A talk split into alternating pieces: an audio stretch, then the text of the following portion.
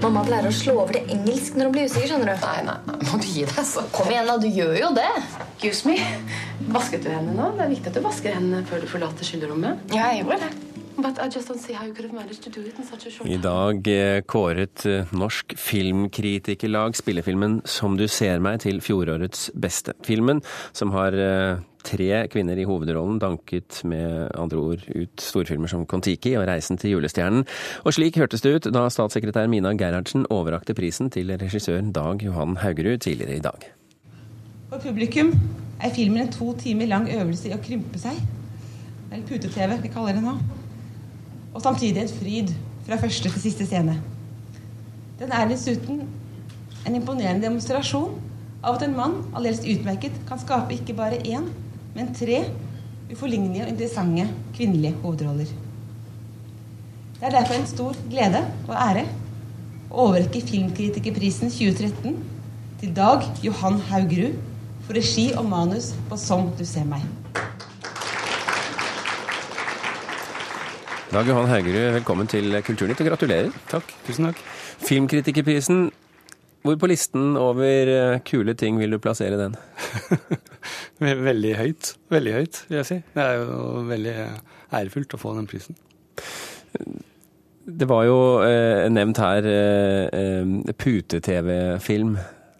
Eh, ja, til krympet seg. Ja, til krympet seg. Ja, ja. Det ble også eh, brukt et annet ord.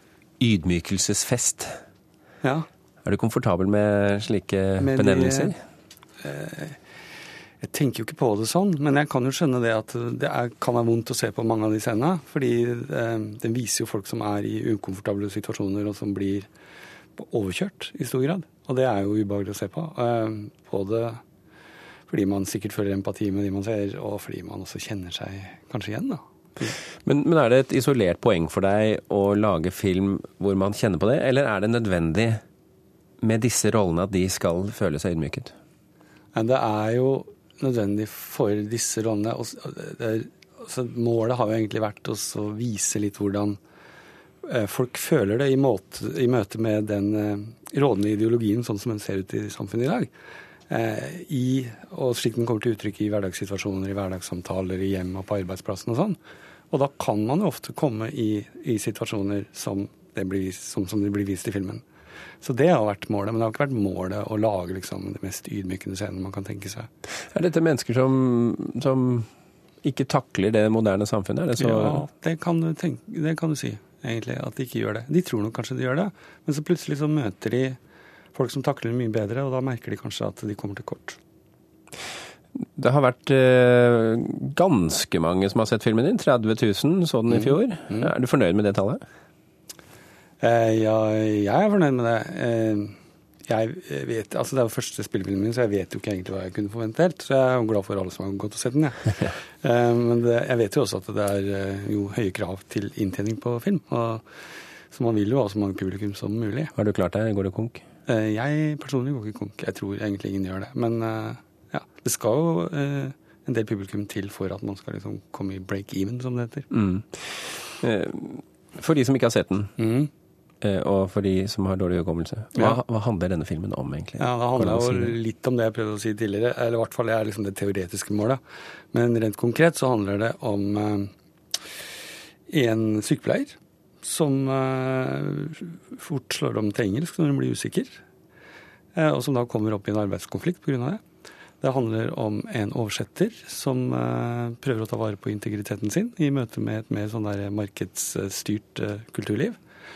Eh, og det handler om en minstepensjonist som eh, får tilbud om en milliongave fra en familie, et familiemedlem, og som får problemer med å ta imot det. Nå som du har uh, laget den ferdig, har, den har vært rundt omkring på festivaler, du har sendt den på markedet, du har fått en, mhm. en fin pris for den. Mm. Hva syns du om filmen selv? Nå i ettertid? Nå, som den er et år gammel og lever av seg selv?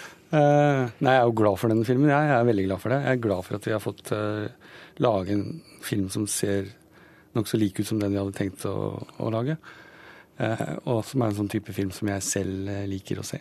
Men, men, men, men, det her er så tydelig, altså det er jo ikke bare tre kvinnelige hovedroller. Det er jo Nei. ni kvinnelige, ganske ja. markerte skuespillere her. Én mann, kanskje? Ja, det er flere. Men Ja. det er ingen, ingen, ingen Det er liksom ikke noen ordentlige menn med. Det er ordentlige menn med. Nei, det er det. ikke menn som er liksom ordentlig med. Altså, det er eh, Remlov som, eh, som, som er ganske tydelig. Men Ja. alle forsvinner jo i kvinnerollene her. Hvorfor var det viktig for deg å lage en så kvinnedominert film? Det er flere svar på det. Det er selvfølgelig et svar på at det har vært ganske mange svake kvinneroller i filmer, både i Norge og ellers i utlandet. Men når det er sagt, så er det ikke så veldig mange gode mannsroller heller. Eh, og så er det jo sånn at hvis man har lyst til å lage en film som reflekterer det samfunnet man lever i, eh, og det samfunnet man har lyst eh, til å leve i, så må man jo ha med både menn og kvinner. Og da må jo også kvinner få snakke om andre ting enn en hjem og kjærlighetsliv og barn og sånne ting.